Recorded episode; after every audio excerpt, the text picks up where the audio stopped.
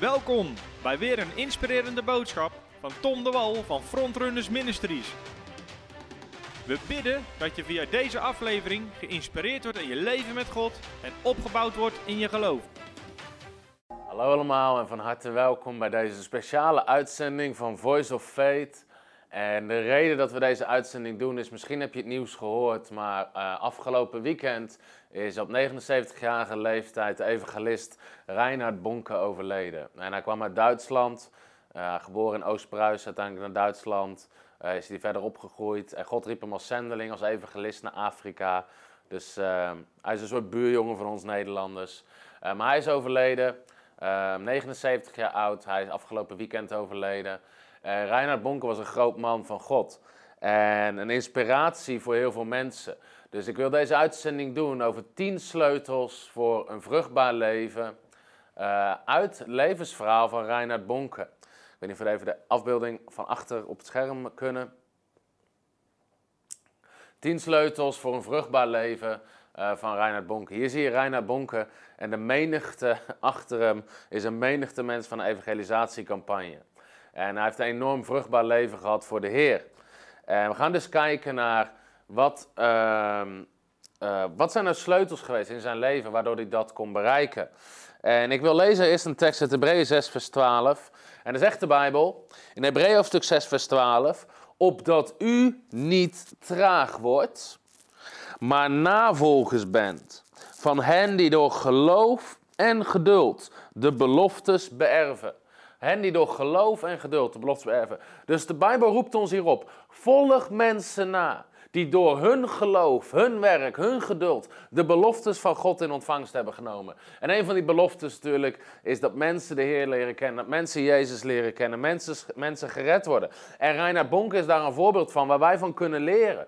En Weet je, sommige christenen zeggen als ja, je moet geen mensen navolgen, je moet Jezus volgen. Ja, natuurlijk volgen we Jezus. Maar de Bijbel zegt zelf, volg mensen na, die door hun geloof en hun geduld de beloftes hebben ontvangen. En sterker nog, Paulus zegt in 1 Korinthe 11, ik zal je laten zien, 1 Korinthe 11, daar zegt Paulus, even kijken, hier heb ik hem, daar zegt Paulus, wees navolgers van mij, zoals ik een navolger ben van Christus.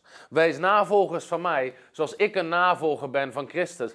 Er zijn mannen en vrouwen van God in het lichaam van Christus, die een leven leven met God, waar iedereen van kan leren, die ons allemaal kan inspireren en die wij mogen volgen. We mogen doen wat zij gedaan hebben en hun hart voor de Heer mogen we van leren. En Reinhard Bonke, ik heb hier zijn autobiografie. Als je hem niet hebt gelezen, Um, het is geen verkooppraatje, want je kan hem niet bij ons kopen. Um, zoek via bol.com of zo.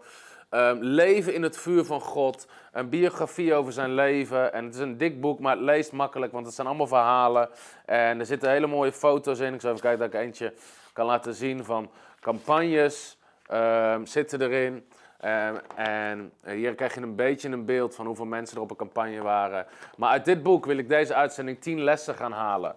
Uh, dus hij heeft dus een enorm inspirerend boek over zijn leven om te lezen. Hij heeft nog boeken geschreven over evangelisatie, evangeliseren uh, door het vuur van God. Dat is een ander boek wat hij, uh, wat hij geschreven heeft. Hij heeft meerdere boeken geschreven. Maar ik wil dus tien lessen gaan halen uit dit boek. Om eerst even een beeld te krijgen van Reinhard Bonk gaan we even een aantal foto's laten zien van campagnes. Dus hier zie je een foto van een campagne en even het aantal mensen wat daarop afkomt. Zover als je kan kijken kwamen er mensen om te luisteren naar zijn boodschap. Hier zie je nog een andere foto.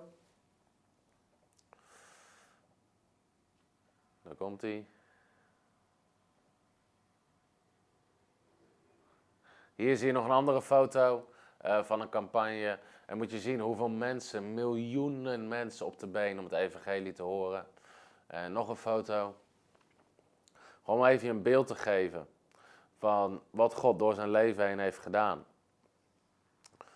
De straten, de pleinen vol, zo ver als je kan kijken. Mensen klommen in bomen, ver achterin, om alsnog te kunnen zien. Hebben we nog één foto of niet? Ja, nog één foto.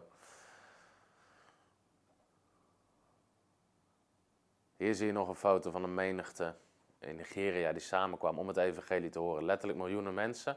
En om je even nog beter een beeld erbij te krijgen, zullen we ook een filmpje laten zien Ehm, en daar zie je Reinhard in, in Afrika.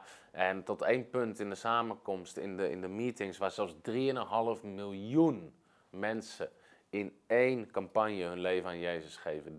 3,5 miljoen. En dat filmpje gaan we je nu even laten zien.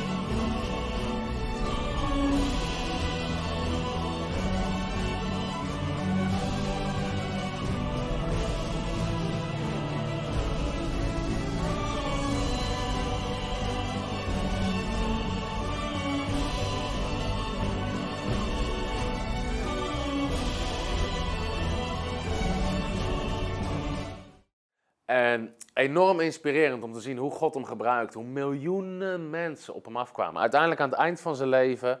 En mensen in, in die campagnes konden altijd een kaart invullen met hun naam. Als ze hun leven aan Jezus gaven. Om ze door te verwijzen naar een kerk. Daar zat de follow-up actie achter. Uiteindelijk met 80 miljoen mensen in hun leven.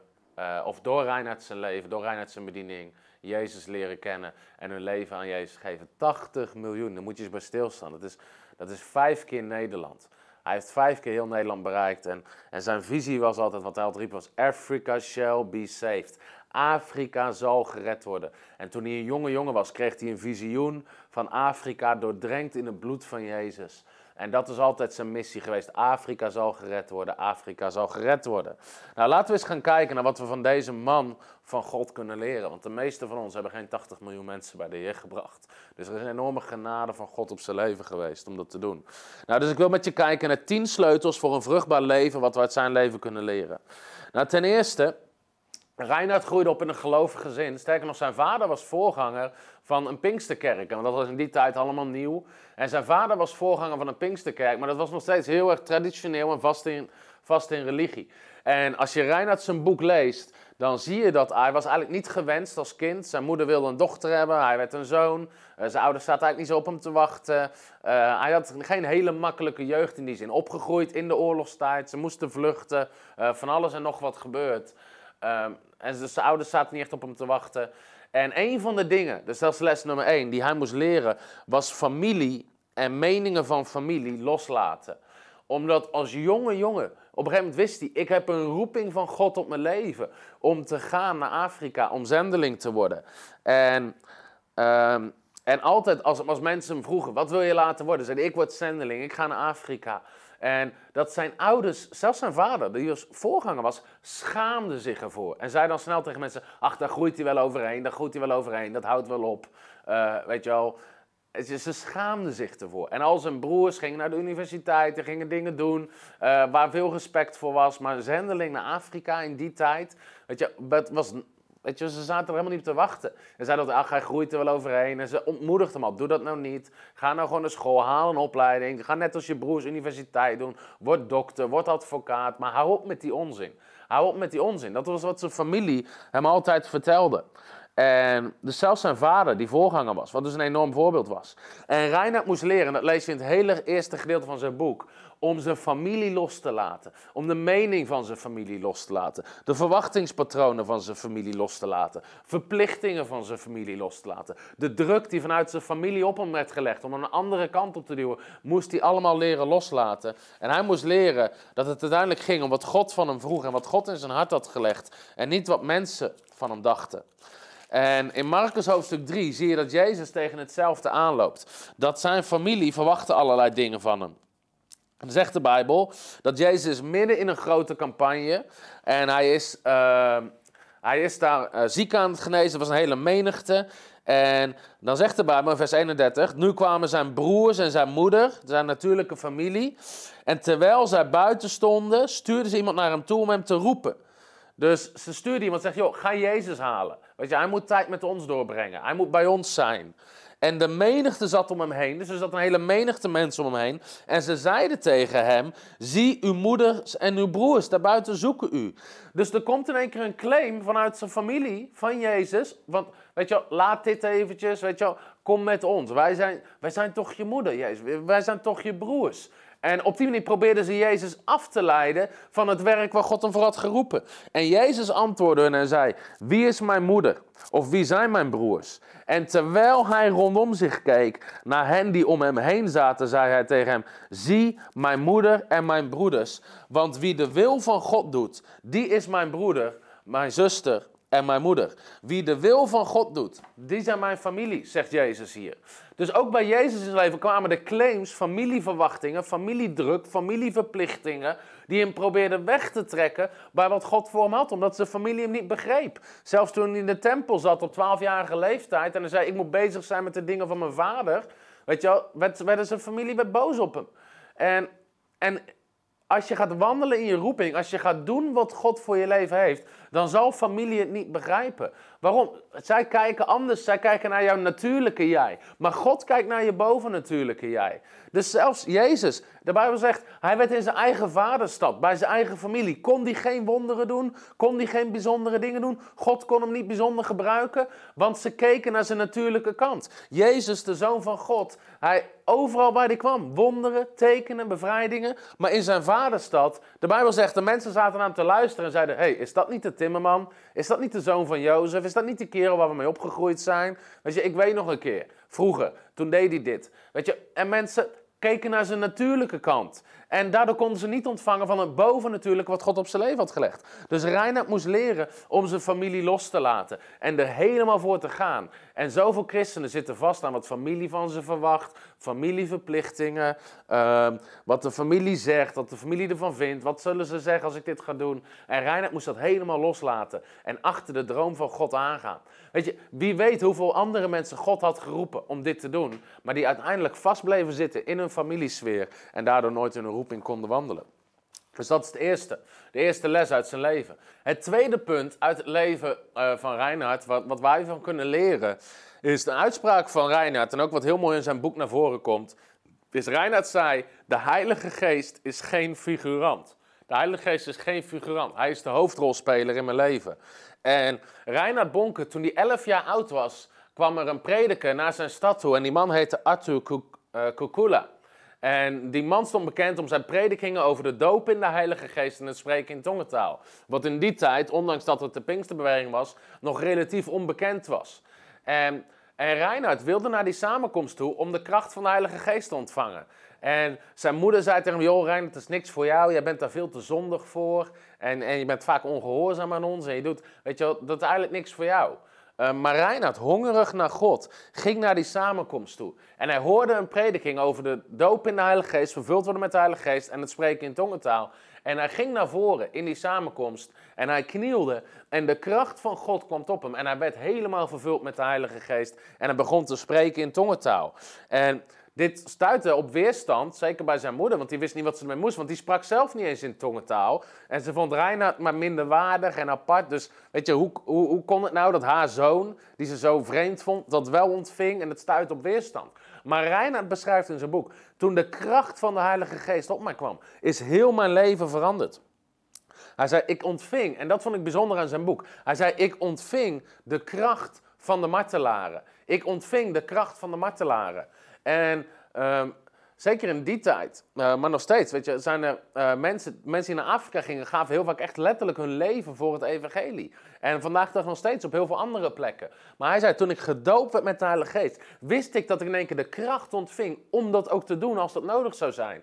En later in zijn bediening, er is ontzettend veel vervolging, problemen geweest. En niet Reinhard zelf, maar wel mensen uit zijn team zijn omgekomen bij de campagnes en bij de reizen. En maar hij zei, de kracht die ik ontving om daar doorheen te gaan, was toen ik gevuld werd met de Heilige Geest. En hij begon daar te spreken in tongentaal, een taal die ook heel belangrijk is geweest tijdens zijn bediening. En wat Reinhard zei, hij zei, ik ontving meteen de kracht en de passie om te getuigen.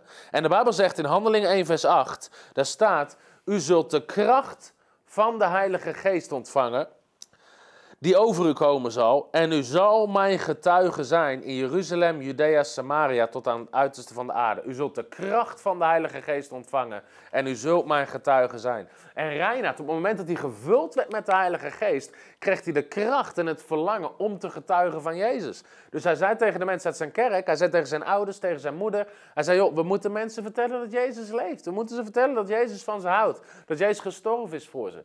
En iedereen zei, joh, doe normaal, doe normaal. Weet je, blijf lekker rustig in de kerk zitten, net als de rest. Maar Reinhard zei nee, het vuur van God brandt in me. De Heilige Geest zegt ik moet getuigen. En, en die roeping van evangelist kwam naar voren toen hij gevuld werd met de Heilige Geest. Sterker dan ooit tevoren. En um, zijn vader, niemand wilde mee. Maar door het vuur van God, weet je, dat is wat de doop in de Heilige Geest doet. Het geeft je het vuur van God. Net zoals Jeremia zei, Jeremia 20 vers 9. Het is als vuur wat brandt in mijn botten, zegt Jeremia. Die roeping van God ervoer die letterlijk als vuur in zijn botten. Jeremia zegt zelf, al wil ik niet eens profiteren of spreken. Het gebeurt gewoon, als ik het niet doe, begint het te branden als vuur. Reinhard had datzelfde met het brengen van mensen tot Jezus. Op een gegeven moment schrijft hij in zijn boek dat hij bijna 60 jaar oud was. En dat op een gegeven moment mensen zeiden: Joh, je hebt nooit vrije tijd. Je hebt geen hobby, je hebt helemaal niks. Uh, weet je, je bent alleen maar campagnes, campagnes, mensen bij Jezus, mensen bij Jezus, mensen bij Jezus. Op een gegeven moment op aandringen van zijn familie, zijn campagnemanager, heel zijn team. Iedereen was oververmoeid en hij wilde maar gaan en maar gaan. Totdat hij uiteindelijk uit verplichting van zijn vrouw en iedereen om hem heen een hobby heeft gekozen. Dat was het vuur van God deed in zijn leven. En, en om te getuigen, dus hij zei, toen hij elf jaar oud was, als niemand meegaat, ga ik alleen. Hij pakte zijn gitaar, hij pakte zijn bijbel, hij ging staan op de hoek van de straat in Duitsland, bij de lantaarnpaal. Hij begon, piano, of hij begon gitaar te spelen en te zingen. Er stopte een groepje met mensen om te luisteren. Hij legde zijn gitaar aan de kant, pakte zijn bijbel, begon het woord van God te prediken en daar gaf iemand zijn leven aan Jezus. En, en dat was zijn eerste bekeerling. En hij ging terug naar huis. En had verwacht dat zijn vader blij zou zijn dat er iemand zijn leven aan Jezus had gegeven. Maar die vader wist niet wat hij ermee moest. Maar dat is wat het, wat het vuur en de doop in de geest doet. Het is een vuur wat brandt in je binnenste. Wat zorgt dat je wil getuigen van Jezus. Het is de kracht van de martelaar om altijd maar door te gaan en door te gaan en door te gaan. En weet je, de Heilige Geest is geen figurant. En in zijn boek zie je dat hij constant gehoorzaamt aan de Heilige Geest en wat God zegt. In de tijd dat hij in Afrika opereerde was er ontzettend sterk racisme en apartheid. Waar blanke en, en gekleurde mensen niet in één ruimte mochten zitten. En zeker niet in één kerk. En hij ging naar de kerken toe van de, van, de gekleurde mensen. En, en denominaties en leiders werden boos op hem. Maar de Geest van God zei ga, ga. En op een gegeven moment wilde hij naar een gebied toe. En die Pinksterzendingbeweging, waar die vanuit werd uitgezonden op een gegeven moment, die zei, als je daar naartoe gaat, dan trekken we al je giften terug. Maar de geest van God zei, ga en hij ging. En de Heilige Geest was geen figurant in zijn leven, die af en toe maar een beetje langsliep op de achtergrond. Het was de drijvende kracht in zijn leven. En als wij vruchtbaar willen zijn, hebben we diezelfde kracht van de Heilige Geest nodig. We hebben datzelfde vuur van God nodig in onze botten, waar het niet meer uitmaakt wat mensen zeggen, wat mensen denken, maar dat je weet, ik heb een roeping. Dit is wat God van me vraagt. En we gaan ervoor. Dus de Heilige Geest moet een hoofdrol spelen zijn, geen figurant. Het derde uit het leven van Reinhard, een sleutel is, als je doet wat de Bijbel zegt, dan krijg je wat de Bijbel zegt. Als je doet wat de Bijbel zegt, dan krijg je wat de Bijbel zegt. En Reinhard vertelt ook, toen hij 11 jaar oud was, dat in zijn kerk hadden ze een bidstond. En allemaal mensen waren bij elkaar gekomen en dat deden ze iedere week. Waren die bidstonden daar? Waar ze voor allerlei noden van mensen aan het bidden waren. En, ehm, en op een gegeven moment, ze vragen in die groep wie heeft een gebed nodig of waarvoor is gebed nodig. En er zit een vrouw en die zegt, ik ben ziek. Eh, ik heb gebed nodig. En Reinhard beschrijft dat in die bid stond, iedereen blijft op zijn plek zitten, of sommigen stonden met hun ogen dicht en beginnen te bidden voor die vrouw. Maar de geest van God zegt tegen hem, 11 jaar oud, hij zegt, je moet handen op haar leggen, want dan zal ze genezen. Uiteindelijk, de geest van God leidt ons in heel de waarheid. En de Bijbel zegt in Marcus 16, vers 17, leg handen op zieken en dan zullen ze genezen. Maar niemand deed dat. Dat waren ze niet gewend, dat deed helemaal niemand. Dus ze zaten op hun plek te bidden voor de artsen, te bidden voor kracht, et cetera. En, maar we doen niet wat de Bijbel zegt, dus er gebeurde geen wonder. Maar de geest van God zegt tegen hem, 11 jaar oud, je moet handen op haar leggen. Maar hij wist, als ik dat doe, als ik opsta en ik zeg, joh, ik ga voor je bidden, ik ga handen opleggen. Mijn vader, hij zegt, zou woedend worden. Zou woedend worden en ik zou die samenkomst uitgezet worden. Omdat er werd altijd tegen hem aangekeken als raar, apart, anders, niet, weet je, ze zaten niet op hem te wachten en op, en op zijn leven met God. Maar hij wilde gehoorzaam zijn aan het woord van God en aan de geest van God. Dus hij, gaat, hij loopt buiten de kring om en hij kruipt letterlijk op handen en voeten langs iedereen die aan het bidden is, zodat ze hem niet zien. En hij kruipt helemaal naar achter waar die vrouw zit. En hij, terwijl hij op zijn knieën zit, legt hij handen op haar, want dat is wat God tegen hem zei. En met dat hij dat doet, komt de kracht van God, die stroomt door hem heen. Die vrouw begint te gillen en valt van de stoel af, onder de kracht van God. En heel die samenkomst is natuurlijk, wat gebeurt hier? Want ze horen in één keer een gil en ze kijken om en Reinhard die zit daar, die vrouw ligt op de grond. En zijn vader, die wil woedend worden. Die roepen, wat doe jij nou weer? Maar die vrouw roept, ik ben genezen, ik ben genezen. Toen Reinhard handen op me legde, werd ik genezen. En je ziet dus, hij ging radicaal voor het woord van God. En als je doet wat de Bijbel zegt, dan krijg je wat de Bijbel zegt. En dat is een hele mooie les uit zijn leven, al op jonge leeftijd. Een vierde les uit het leven van Reinhard is het loslaten van tradities en religie. En wat ik al zei over de apartheid in Afrika, dat het was gewoon een gewoonte dat mensen van verschillende huidskleuren niet bij elkaar zaten. Maar Reinhard brak daar dwars doorheen. En wat ongehoord was in die tijd. Maar ook, Jezus zegt in Marcus 7, vers 13, daar zegt Jezus, zo maakt u Gods woord krachteloos door uw overleveringen die u overgeleverd hebt. En veel van dergelijke dingen doet u. En Jezus zegt dus hier, jullie maken door jullie overleveringen, door jullie tradities, het woord van God krachteloos. Jullie doen menselijke gewoontes, maar niet wat God zegt. En je doet alsof het is wat God van ons vraagt, maar er zit geen kracht in. En sterker nog, je maakt Gods woord krachteloos door het te vervangen met tradities. En Reinhard Bonke, op een gegeven moment toen hij 15 jaar oud was, hij bleef maar zeggen, ik word zendeling, ik word zendeling, ik ga naar Afrika. En zijn familie, die was, werd hem helemaal beu. Maar op een gegeven moment zei zijn vader, hij zei, joh, zijn vader zei, als je zendeling wil worden, hij zei, joh, in Afrika hebben de mensen geen geld. Wij hebben geen geld om je te onderhouden. Dus je moet een vak gaan leren, je moet een beroep gaan leren. Want, weet je, je moet daar leven. Weet je, waar gaat je geld vandaan komen? Dus ga een vak leren. En hij moest iets doen wat hij ook in Afrika kon doen. Dus zijn vader stuurde hem op de opleiding om meubelmaker te worden. En in de leer te gaan bij een meubelmaker. En Reinhard kwam daar, terwijl hij daar zat... Um, weet je, het lukte hem niet om tafels en stoelen te maken. En die eigenaar van die meubelzaak, die werd woedend op hem. En die schreeuwde, joh, jij kan helemaal niks. Weet je, ga weg en, en kom nooit meer terug. En die stuurde hem weg. En Reinhard beschrijft, joh, hij liep naar huis, hij was weggestuurd met de woorden, je kan helemaal niks. En hij dacht, nou kan ik geen zendeling worden, want ik kan geen meubels maken. En hij moest leren dat als God je roept, dan doet hij het op zijn manier. En de traditie in de Pinksterbeweging was, je moet een vak leren, dat ga je dan daar doen. En in de tijd die je over hebt, ga je ga je, je zendingswerk doen. Alleen Reinhard Bonk heeft aan het eind van zijn leven 80 miljoen mensen bereikt voor de Heer. Hoe ga je dat doen in de tijd die je over hebt? Zoals ik zei, tot zijn zestigste. Uiteindelijk was hij alleen maar bezig, bezig, bezig, bezig. Dat hij niet eens een hobby had. Weet je, je, hoe ga je dat doen in je vrije tijd? God had iets voor hem wat veel groter was, maar hij moest eerst die tradities loslaten en beseffen als God mij heeft geroepen, weet je, dan is dat waar we voor gaan. En hij moest zijn eigen plan trekken met God. En op een gegeven moment sprak God tot hem om naar Engeland te gaan, naar een, bijbelschool voor zendelingen. Maar zijn vader en zijn familie zeiden, nee, we hebben in Duitsland, ze hebben een, een bijbelschool, die hoort bij ons kerkgenootschap, daar moet je naartoe. Weet je, maar ook daar zei hij, nee, ik moet God gehoorzamen. Overal moest hij doorheen breken traditie, religie, verwachtingspatronen. En, en, en dat zie je dus heel sterk in zijn leven, dat hij heeft gedaan wat God van hem vroeg. Trek je eigen plan met God. Doe wat God in jouw hart legt. Het maakt niet uit wat mensen zeggen. En dat is ook een les die we leren uit het leven van Reinhard. Een andere les die we kunnen leren is de kracht van impatatie. De kracht van impatatie. En importeren betekent eigenlijk je stopt iets van het een in het ander. Je importeert het. Reinhard ging naar die bijbelschool in Engeland, in Swansea. En op een gegeven moment heeft hij bijbelschool gedaan. Een hele mooie tijd gehad. En hij moest terug naar Duitsland toe. Hij ging weer terug naar zijn familie, de bijbelschool was klaar. Dus hij ging terug en dat moest destijds met de trein. En hij beschrijft dat hij moest een trein hebben, eerst naar Londen. En van Londen zou hij uiteindelijk weer naar Duitsland kunnen. Uh, maar hij, hij, was in Londen en hij moest daar een hele tijd wachten tot de trein naar Duitsland ging. Dus hij besloot, joh, ik ga gewoon de Londen heen lopen en gewoon eens kijken wat hier te doen is. Hij was er nog nooit geweest. En hij loopt daar door uh, Londen heen en op een gegeven moment, hij loopt daar door een bepaalde wijk heen en hij ziet op, op, een, uh, op een huis, naast de deur, ziet hij een naambordje. En op dat naambordje staat George Jeffries. George Jeffries. En veel mensen weten niet wie die is, maar... Uh, op die boeken achter mij. Ik ga het gewoon laten zien.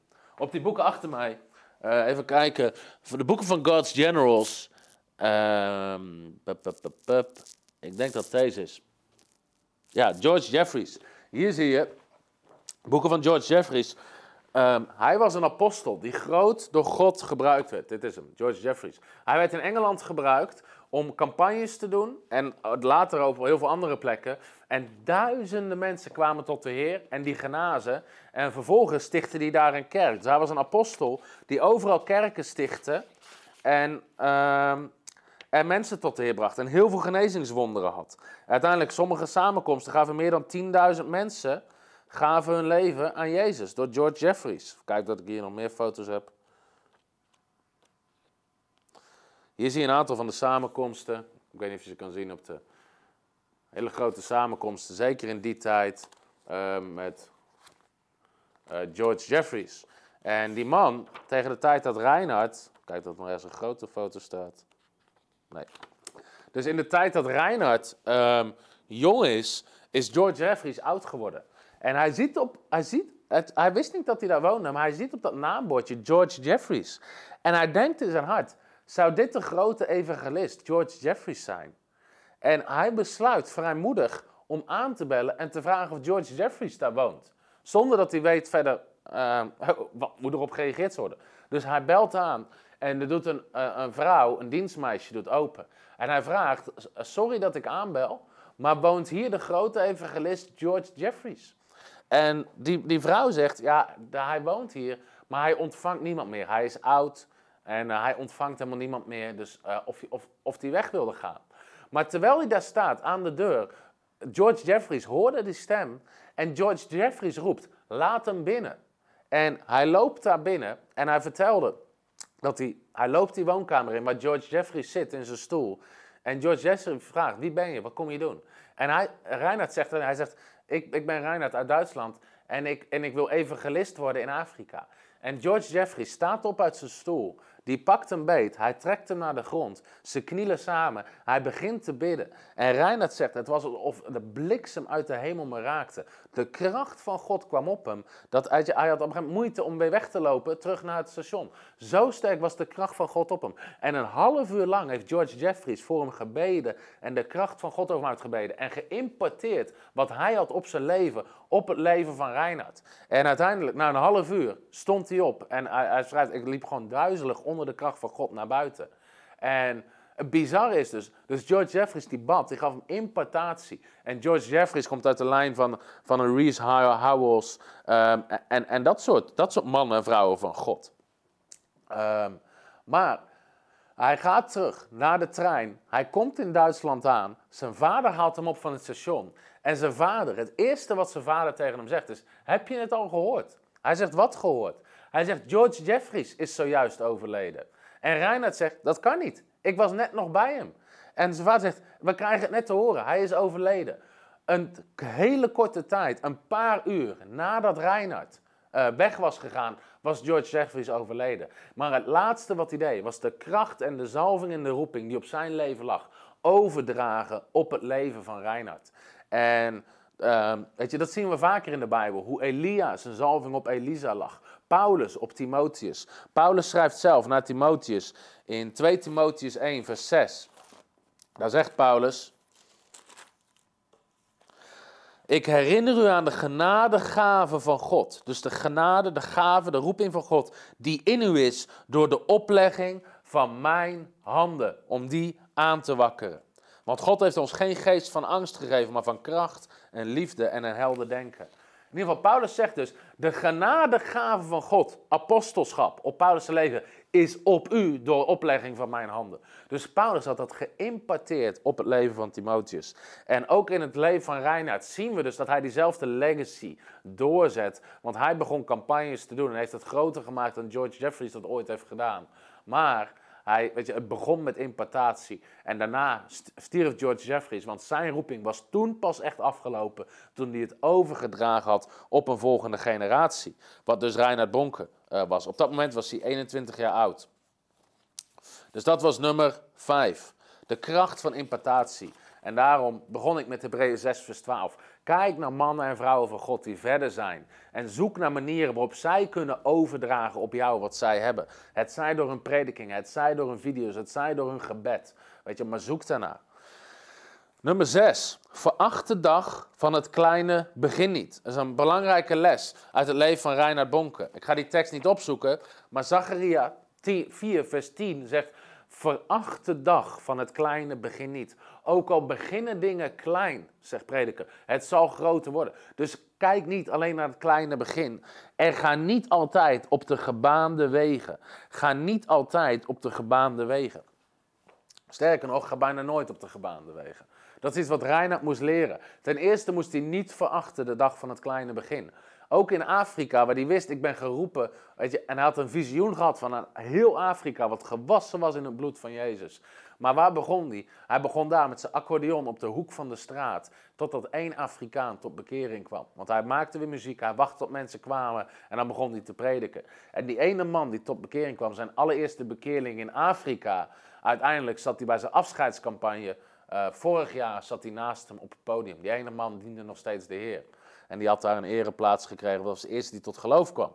Um, ook toen hij in Afrika kwam, hij werd op een gegeven moment namens de zendingsstichting van de Pinksterkerk in Duitsland, mocht hij naar Afrika toe. En dan kreeg hij kerkjes toegewezen. En dus het waren allemaal hele kleine kerkjes, krachteloos, traditie, vanuit Europa was er ingelegd, verplichtingen. En hij kwam daar niet tot bloei.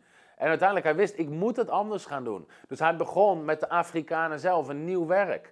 En weet je, hij werd veracht door de Pinksterbeweging. Dat hij zich los durfde te maken en niet stelde onder hun gezag. Weet je. En zijn vader was teleurgesteld in hem. Maar hij wist, ik moet niet gaan op de gebaande wegen. Ik moet zelf beginnen. Dus hij begon zelf. En uiteindelijk had hij 50 bekeerlingen. En die trainde die weer zelf om evangelisten te worden. En zo bouwde zijn werk zich uit.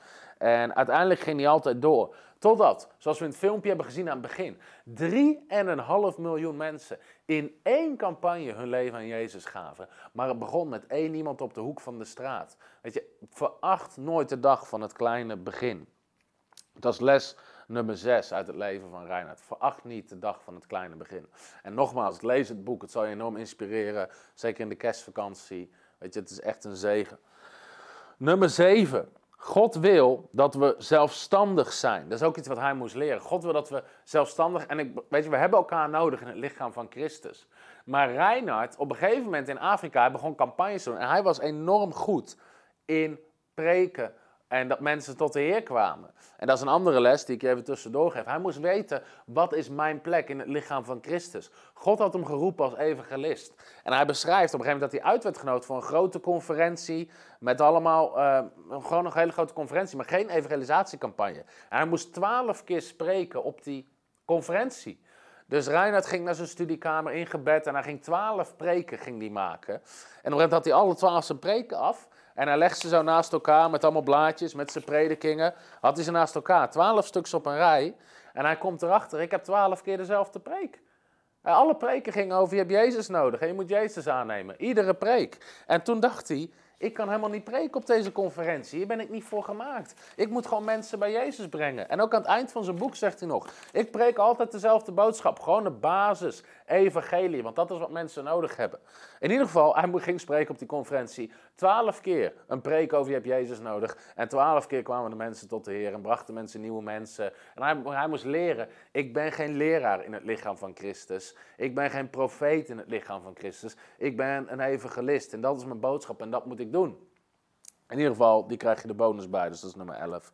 Maar hij moest ook leren om zelfstandig te worden in zijn roeping. Want op een gegeven moment in Afrika, hij was dus goed in die prediking en mensen kwamen massaal tot de Heer. En op een gegeven moment kwam hij een man tegen, die heette Richard Negidi.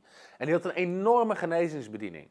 Dus op een gegeven moment gingen ze een team vormen. Reinhard predikte en ehm, en hij deed een oproep, mensen kwamen massaal tot de Heer. En dan ging die Richard ging bidden voor de zieken. En verlamden konden lopen, blinden konden zien, doven konden horen.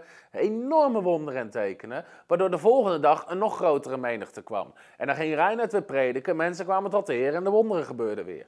En op een dag hadden ze een enorme campagne, ze hadden een stadion afgehuurd. En het is een paar uur voor de dienst en die Richard belt hem op. En die zegt, de Heilige Geest heeft gezegd dat ik niet moet komen. En Reinhard was in paniek, want in één keer dacht hij, nou gebeuren er geen wonderen, Richard kan niet. En hij zit in paniek en dan spreekt de geest van God tot hem. Ik heb jou geroepen om hetzelfde te doen. Dus jij moet het gaan doen. Hij was te afhankelijk geworden van iemand anders. En toen voor het eerst ging hij zelf in zo'n grote campagne bidden. En God deed grote wonderen en tekenen. En zelfs in het filmpje heb je gezien mensen tillen rolstoelen op, blinden kunnen zien. Waarin doden werden opgewekt in zijn meetings. Maar hij moest leren om zelfstandig te worden in zijn roeping met God. En niet afhankelijk te zijn van andere mensen. Natuurlijk, je hebt teams nodig. Hij heeft heel veel hulp nodig gehad. Maar in zijn roeping, gewoon in wat God van hem vroeg, moest hij leren om zelfstandig te zijn en volwassen te zijn. Weet je, en ook wij kunnen soms zo afhankelijk zijn. Weet je, helemaal Nederlanders. Ik ga alleen als jij gaat. Ik doe het alleen als jij het doet. Weet je, sommige mensen, zelfs met onze part-time bijbelschool, ik dat. We hebben een bijbelschool op maandagavond. Zeggen ze, ja, ik wil wel komen, maar alleen als mijn beste vriendin ook komt. Kan jou het schelen wat je beste vriendin doet? Doe wat de Heer zegt dat je moet doen. Ga het doen. Stel je niet zo afhankelijk op van andere mensen. Weet je, ik doe het alleen als mijn voorganger dit, of als de oudste het zegent. Of nee, doe wat God zegt dat je moet doen. Word niet afhankelijk van andere mensen. Weet je, en ook Reinhard heeft heel vaak gedacht in zijn boek, weet je, waarom heeft God mij gekozen? Hij is een jongen die niet gewenst was in, in het gezin op dat moment. Hij is gewoon een normale jongen uit Duitsland, uit een arm gezin. Weet je, hij heeft honderd keer gedacht, waarom heeft God niet iemand anders gekozen? Weet je, er zijn misschien wel duizenden mensen op deze wereld die het beter kunnen doen. Maar daar is God niet in geïnteresseerd. Hij is geïnteresseerd dat jij gewoon gaat doen wat hij van jou vraagt. En stoppen met allerlei excuses. Net zoals Mozes, heer, niet mij, je kan niet spreken. Dus kies iemand anders. God zegt, nee, ik heb jou gekozen. En misschien had God heel veel andere mensen gekozen, maar hebben ze het gewoon niet gedaan. God zit gewoon op te wachten op mensen die het gaan doen. In het Engels kan je heel mooi zeggen, als je het woord God neemt, de eerste twee letters zijn go en achterom gelezen zijn het do. God zit gewoon te wachten op mensen die gaan en die doen. En niet die zitten te wachten. Weet je wel, God wil dat we zelfstandig zijn en gewoon doen. Nummer 8. Bij God kan het altijd groter. Bij God kan het altijd groter. Efeze 3, vers 20 zegt: God wil doen in ons leven boven wat we kunnen bidden en boven wat we zelf kunnen bedenken. En ook in het leven van Reinhard zie je dus dat ehm, hij moest constant zijn geloof stretchen. Want op een gegeven moment, die campagnes, soms vanwege de regen, gingen ze een hele grote tent gingen ze gebruiken voor de campagnes. En ik denk dat in, de, in het boek wel foto's staan. En op een gegeven moment hadden ze een tent waar 10.000 mensen in pasten. En dat was op dat moment een van de grootste tenten ter wereld al. En weet je, dan zouden we zomaar de valkuil kunnen hebben. Ik geef even kijken dat hier een foto in staat. Om daar heel tevreden mee te zijn met, uh, met zo'n tent. Even kijken of ik hem snel kan vinden. Ja, hier. Hier zie je foto's van uh, de tenten. Dus je ziet hier onderin een foto van een enorme tent. Dit is nog de grootste tent, uiteindelijk aan deze kant, van 34.000 mensen. Maar in ieder geval, op een gegeven moment hadden ze dus een tent van uh, uh, eerst van 10.000 mensen en later dus van 34.000 mensen.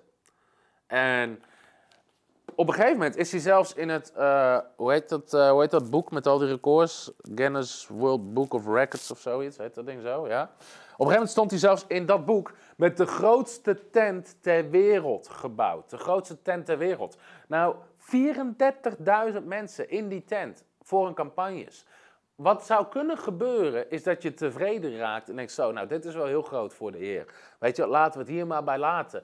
Maar bij God kan het altijd groter, kan het altijd meer. Want hij doet boven bidden en boven denken. Dat betekent als wij 34.000 in een tent hebben bedacht, dan heeft God hem uiteindelijk laten zien.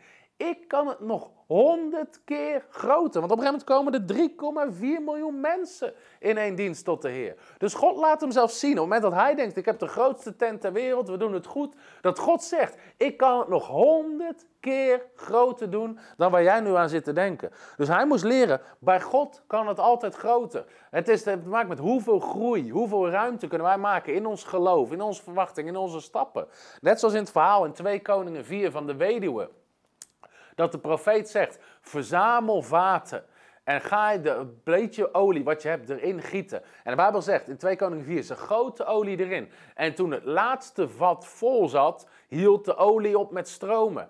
Weet je, wanneer hield de olie op met stromen? Wanneer hielden de wonder op? Wanneer hield de voorziening van God op? Toen de ruimte op aarde op was. Zij had niet meer ruimte gemaakt. Maar als wij meer ruimte maken, maken zo, blijven maken voor de Heer, Weet je, dan blijft God maar stromen. En dat zie je ook in het leven van Reinhard. Dus ik ben dankbaar dat hij niet heeft gezegd, dit is wel groot genoeg. Dit is wel groot genoeg. En nog iets anders over zijn leven. 80 miljoen mensen. Op zijn website staat een teller met hoeveel mensen er tot de Heer komen.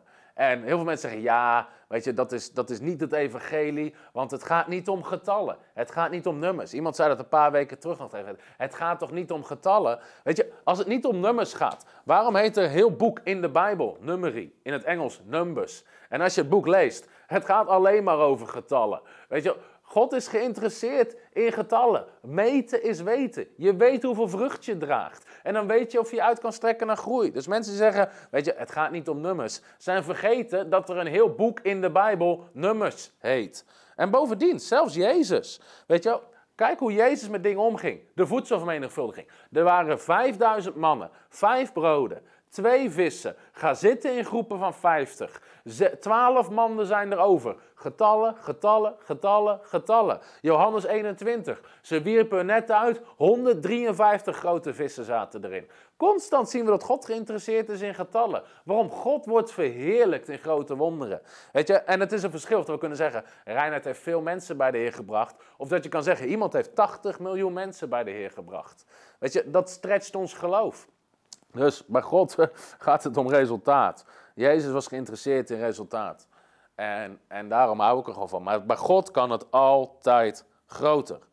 Altijd groter. Nummer 9 is God voorziet in zijn werk. En ook daarin moest hij groeien. Op een gegeven moment in Engeland voor die Bijbelschool moest hij God vertrouwen voor een paar pond om aan hem te geven. En op een gegeven moment beschrijft hij in zijn boek dat hij een deadline had nog van drie uur voor een paar honderdduizend euro wat hij af moest betalen voor die tent. Anders zouden ze het intrekken. En hij zei gewoon, ik weet de Heer gaat voorzien. En dan belde er iemand op. En er was iemand uit Duitsland die er nooit had gesproken. En die zei, Reinhard, Ik kan heel de nacht niet slapen. Ik heb ooit een flyer van jou gezien, van jouw werk. Ik kan heel de nacht niet slapen. En God zegt dat ik je geld moet geven. Hoeveel heb je nodig? Reinhard zegt iets van een paar honderdduizend. Bam, wordt betaald. Weet je, God voorziet in zijn werk. God betaalt wat hij bestelt. En op het laatst hadden ze meer dan 20 miljoen per jaar nodig voor een organisatie. Ehm, maar God voorziet en hij groeide in die voorziening uh, en allemaal dat soort dingen. Dus weet je, ook daar zie je, God voorziet in het werk. En daar wil ik ook iets anders over zeggen. Omdat als Nederlanders kijken we vaak naar hoe kunnen we dingen zo goedkoop mogelijk doen. Hoe kunnen we dingen zo goedkoop mogelijk oplossen? Ook in de kerk. Kunnen we iets van marktplaats halen? Weet je, ik ben blij dat Reiner Bonke het niet op een marktplaatsmanier heeft gedaan. Hij heeft de beste geluidsinstallaties gekocht, de grootste tenten. Want we doen het voor de Heer. En we doen het voor zijn koninkrijk. En we moeten niet kijken hoe kunnen we iets zo goedkoop mogelijk doen. We moeten kijken hoe kunnen we iets zo groot mogelijk doen. Hoe kunnen we zoveel mogelijk vrucht dragen. En dat kan beter met een geluidssysteem van 500.000 euro dan met een geluidssysteem van Marktplaats. En soms, weet je, je wordt later in de hemel, gaat Jezus niet van je vragen, hoeveel geld heb je bespaard op aarde? Hij is geïnteresseerd in hoeveel vrucht dragen we? Hoeveel hebben we gedaan? Hoeveel mensen hebben we bij de Heer gebracht? Hoeveel mensen hebben we gediscipeld? Daarin is hij geïnteresseerd. Niet hoe goedkoop kunnen we doen? Heb je korting kunnen regelen? Of dat als je bij wijze van spreken een nieuwe computer nodig had op kantoor van je kerk, dat Jezus vroeg, hadden ze die niet ook op marktplaats? Weet je, hoe denken we soms over de Heer die we dienen? Hij is geïnteresseerd in vrucht. Hij bidt voor arbeiders in de oogst. Hij bidt voor mensen die het werk willen doen. En we moeten meer kijken naar, niet kan het goedkoper, kan het groter voor de Heer? Kunnen we meer doen voor de Heer? En helemaal loslaten hoeveel het kost, want Hij voorziet in zijn werk. En er is geen één plek waar de Bijbel zegt, God voorziet, maar Hij voorziet overeenkomstig tweedehands of marktplaats. Nee, de Bijbel zegt in Filippenzen 4 vers 19, God voorziet in alles wat u nodig hebt overeenkomstig zijn rijkdom en zijn heerlijkheid. Dus niet overeenkomstig ons, onze rijkdom, overeenkomstig zijn rijkdom. En ik kan je vertellen, de Heer is heel erg rijk. Dus hij heeft geen probleem om gewoon goed te voorzien en dat we dingen groot doen voor de Heer en niet goedkoop. En nogmaals, als iets goedkoop kan, dan is het prima. Maar doe het goed. Dat is belangrijker dan goedkoop. En dat zie je ook in het leven van Reinhard. En ik ben blij dat hij zo'n mindset heeft gehad om dingen gewoon groot te doen en goed te doen. En het laatste punt uit het leven van Reinhard is doorgaan in moeilijkheden. Doorgaan in moeilijkheden. Jezus zei in Johannes 16, het laatste vers. Weet je, Jezus zegt, ik, mijn vrede geef ik u. In de wereld zult u verdrukking hebben, maar heb goede moed. Ik heb de wereld overwonnen. En ook in het leven van Reinhard zie je dat hij door enorme verdrukkingen en tegenstand is heen gegaan. En zoals ik al zei in het begin, zijn familie was tegen hem. Zijn vrienden was tegen hem. Zijn denominatie was tegen hem. Dat soort dingen. Maar ook op een gegeven moment in zijn roeping. Um, overheden, gouverneurs, burgemeesters, presidenten van landen. Sommige landen werd hij verboden om heen te gaan. Enorme tegenwerking, doodsbedreigingen, aanslagen op zijn leven. Uh, je, hij bleef maar doorgaan. Weet je, en zelfs op een gegeven moment mensen uit zijn team die overleden tijdens campagnes. En een van de verhalen in zijn boek staat dat een heel verdrietig verhaal was. Maar een vader en een zoon die samen dienden in zijn organisatie en een vrachtwagen bestuurden waar technische apparatuur in zat. Op een gegeven moment ging er iets mis onderweg of ze kregen een ongeluk. En die vrachtwagen die komt daarin terecht, die vat vlam en ontploft. En die vader en die zoon die zitten er nog in. En die, terwijl ze bezig zijn voor Reinhard, aan het werk zijn voor Reinhard, um, overlijden ze en verbranden ze in die vrachtwagen. En allemaal kritiek kwam op Reinhard over onverantwoord materiaal en allerlei dingen. En weet je, alsof hij het zelf al niet verschrikkelijk genoeg daarmee had. Dat dat gebeurde onder zijn leiderschap, onder zijn bediening. En um, jarenlang weer onderzocht en instanties erop. Uiteindelijk is hij natuurlijk vrij, vrijgesproken. Maar het ding is, hij zei zelf, joh, ik, had, ik had in die vrachtwagen willen zitten. Ik had mijn leven willen geven voor het evangelie. Niet een vader en een zoon die, die allerlei mensen achterlaten. Uh, maar allerlei dingen. Maar hij ging door, hij ging door, hij ging door. En dat is gewoon zo kenmerkend in zijn leven. Wat er ook gebeurde, hij ging constant door. Op een gegeven moment tijdens een campagne kwamen zoveel mensen dat een aantal mensen overlopen werden en overleden. En weer dook de hele media aan, het hele circus op hem en hij werd weer bekritiseerd. En, maar uiteindelijk, hij ging door, hij ging door, hij ging door. En uh, uiteindelijk is dat iets wat we kunnen leren tijdens zijn leven. Dat hij gewoon blijft doorgaan en doorgaan en doorgaan. Dus Weet je, soms kan je afvragen, wat is er nodig voor de duivel om je te stoppen? Wat was er nodig in zijn leven? Hij maakte niet uit, de duivel kon hem niet stoppen. Hij bleef maar doorgaan. Of familie het met hem eens was, zijn kerk het met hem eens was, overheden hem tegen probeerden te houden, of zijn mensen uit zijn team werden gedood, uh, of hij doodsbedreigingen kreeg. Hij bleef maar doorgaan. Hij was niet te stoppen. Hij was niet te stoppen voor het koninkrijk van God. Weet je, en wat is onze houding? Zijn wij te stoppen of zijn we ook niet te stoppen? Geval de conclusie is, wat een man van God. En wat een levensles en wat een inspiratie voor ons. En om af te sluiten uh, wil ik deze tekst lezen uit Hebreeën hoofdstuk 12, die enorm van toepassing is uh, in deze situatie. En nogmaals, ik geloof op aarde in de hemel. Weet je, de Bijbel zegt over iedere zondaar die tot geloof komt, is een feest in de hemel. Weet je, door het leven van Reiner Bonke hebben wij tot in de eeuwigheid hebben we feest. 80 miljoen mensen heeft hij bij de Heer gebracht. Weet je, ik, stel, ik zie me voor dat je, dat, dat je in de hemel komt en dat mensen waar je iets voor betekend hebt, die je tot de Heer geleid, die je gediscipeld hebt, die je geholpen hebt, dat die daar staan om je te bedanken, om je te verwelkomen. Dat is gewoon hoe ik me dat voorstel. En ik kan me voorstellen dat mensen, Jezus zegt, ik ga om, om, om huizen, om kamers voor te bereiden. En dat mensen in de hemel in hun huis zitten en dat ze in één keer door de straten, miljoenen, miljoenen mensen uit hun huis zien komen en naar de hemelpoort lopen. En dat mensen zeggen, wat is er aan de hand? Wat is er aan de hand? Dat zeggen, Reinhard Bonk is gearriveerd. En dat terwijl die daar aankomt in de hemelpoort, miljoenen mensen die hem al zijn voorgegaan, die hij tot de Heer heeft gebracht, op hem staan te wachten en staan te applaudisseren om hem binnen te halen en te zeggen, je hebt je race gerend. En dat Jezus zegt, goed gedaan, trouwe dienstknecht, ga nu voor eeuwig binnen in de vreugde van de Heer. Weet je, dat zie ik me zo voor me.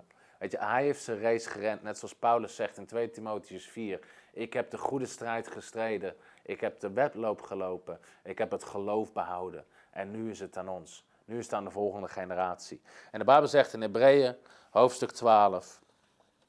Wel nu dan, laten ook wij, nu we door zo'n menigte van getuigen omringd worden, afleggen alle last en de zonde die ons zo gemakkelijk verstrikt. En laten wij met volharding de wedloop lopen die voor ons ligt. De Bijbel beschrijft ons leven met God als een, als een race, als een wedloop, als een, als een atletiekwedstrijd die we rennen.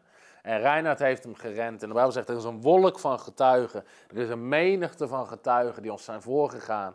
En ik zie hem zo voor me dat die, dat die kijken naar de aarde. En die staan ons aan te moedigen. Hij zegt, en nu jullie, en nu jullie. Weet je, wij zijn klaar. De wolk van getuigen, de helden van het geloof. Net zoals Hebreeën hoofdstuk 11 beschrijft. En die zijn al gearriveerd, die hebben een wedloop gelopen. En die staan te juichen en te joelen voor de gelovigen die nu op aarde zijn. Zeggen, en nu jullie, en nu jullie, en nu jullie. En dan zegt de Bijbel, laten wij nu we door zo'n menigte van getuigen. En die menigte van getuigen in de hemel is een hele belangrijke getuige. En held in het geloof rijker geworden. En wij op aarde hebben een verlies, maar daar is het een winst. En dan zegt de Bijbel, laten nu wij afleggen alle last. Alle last, alles wat je tegenhoudt, alles wat je hindert. Ook waar Reinhard allemaal doorheen moest breken. Leg af al die last die mensen op je leggen. Leg af al die zonden waar je misschien nog in vast zit. Weet je, want het is gewicht wat je meedraagt in het rennen van je race, wat je niet kan gebruiken. En laten nu wij met volharding de wedloop lopen die voor ons ligt. En daar wil ik mee afsluiten over het leven van Reinhard Bonke. Een enorm man van God. Laat ik toch de tekst lezen, 2 Timotheus 4. Ehm, over de strijd gestreden is wat Paulus zegt aan het eind van zijn leven. Daar zegt Paulus dit, en dit is wel mooi, ook in het licht van het leven met Reinhard. Ik kan hem even goed in beeld brengen. Ja, daar ben ik. Um, daar zegt Paulus: Wees nuchter in alles. Zegt hij tegen Timotheus op het moment dat Paulus bijna naar de Heer gaat. Wees nuchter in alles. Leid verdrukkingen. Ga door die moeilijkheden heen. Doe het werk van een evangelist. Net zoals een Reinhard Bonker dat deed. Vervul uw dienstwerk ten volle. De Engelse zegt: Fulfill your ministry. Het is jouw verantwoording om je bediening te vervullen. Niet die van God. God heeft alles klaargelegd. Hij helpt wel. Hij steunt wel. Het is jouw verantwoording. En dan zegt hij, waarom zegt Paulus dit? Ik word immers reeds als een plengoffer uitgegoten en het tijdstip van mijn heengaan is aanstaande. Dus Paulus zegt, ik weet dat ik ga sterven. Maar dan zegt Paulus dit in vers 7, ik heb de goede strijd gestreden. Ik heb de loop tot een einde gebracht. Ik heb het geloof behouden. En dan, ik heb de strijd gestreden. Ik ben bij de finish. En ik heb mijn geloof behouden. En nu is voor mij weggelegd de krans van de rechtvaardigheid die de Heere, de rechtvaardige rechter, mij op die dag zal geven. En niet alleen mij, maar alle die zijn verschijning hebben liefgehad. En dat hoe Paulus 2 Timotheus afsluit. En wij mogen nu onze wedloop lopen. En Reinhard is ons voorgegaan. En misschien kunnen we nog één keer die afbeelding van tien sleutels in beeld brengen. Laten we daarmee afsluiten. Met op ons netvlies het leven van Reinhard Bonke. De menigte die naar hem toe kwam. En daarom heb ik in deze aflevering de tien sleutels gedeeld. En uit zijn boek zou je er wel 30 of 40 of 50 kunnen halen. Dan zeg ik, lees het boek. Maar tien sleutels over het leven van Reinhard Bonke. Een grote man van God, een generaal in het koninkrijk van God. Die 79 jaar oud is geworden. En ik hoop dat deze uitzending je inspireert, bemoedigt. En bovenal hoop ik en bid ik dat het eer brengt aan een van de grootste generaals van God die ooit geleefd heeft. Ik kan me niet herinneren dat er iemand anders is geweest, behalve de Heer Jezus zelf, die 80 miljoen mensen heeft bereikt voor het evangelie. Dus dat was de uitzending van Voice of Faith. God zegen en tot de volgende keer. Hallo, Tom de Wol hier en bedankt dat je weer geluisterd hebt naar onze podcast. Ik bid dat het je geloof gebouwd heeft en je bemoedigd bent. Als je niet alleen een luisteraar van onze boodschap wil zijn, maar ook een verspreider daarvan, wil ik je uitnodigen om partner te worden van Frontrunners. Door jouw maandelijkse donatie help je ons om dit evangelie van Jezus Christus en het woord van God over heel de aarde te brengen. Om partner te worden, ga naar www.frontrunnersministries.nl slash partners en word partner. Hartelijk bedankt en tot snel. Heb je ook zo genoten van deze inspirerende boodschap van Tom de Wal? Abonneer je dan op deze podcast. Volg ons op Facebook en op Instagram en kijk op onze website frontrunnersministries.nl.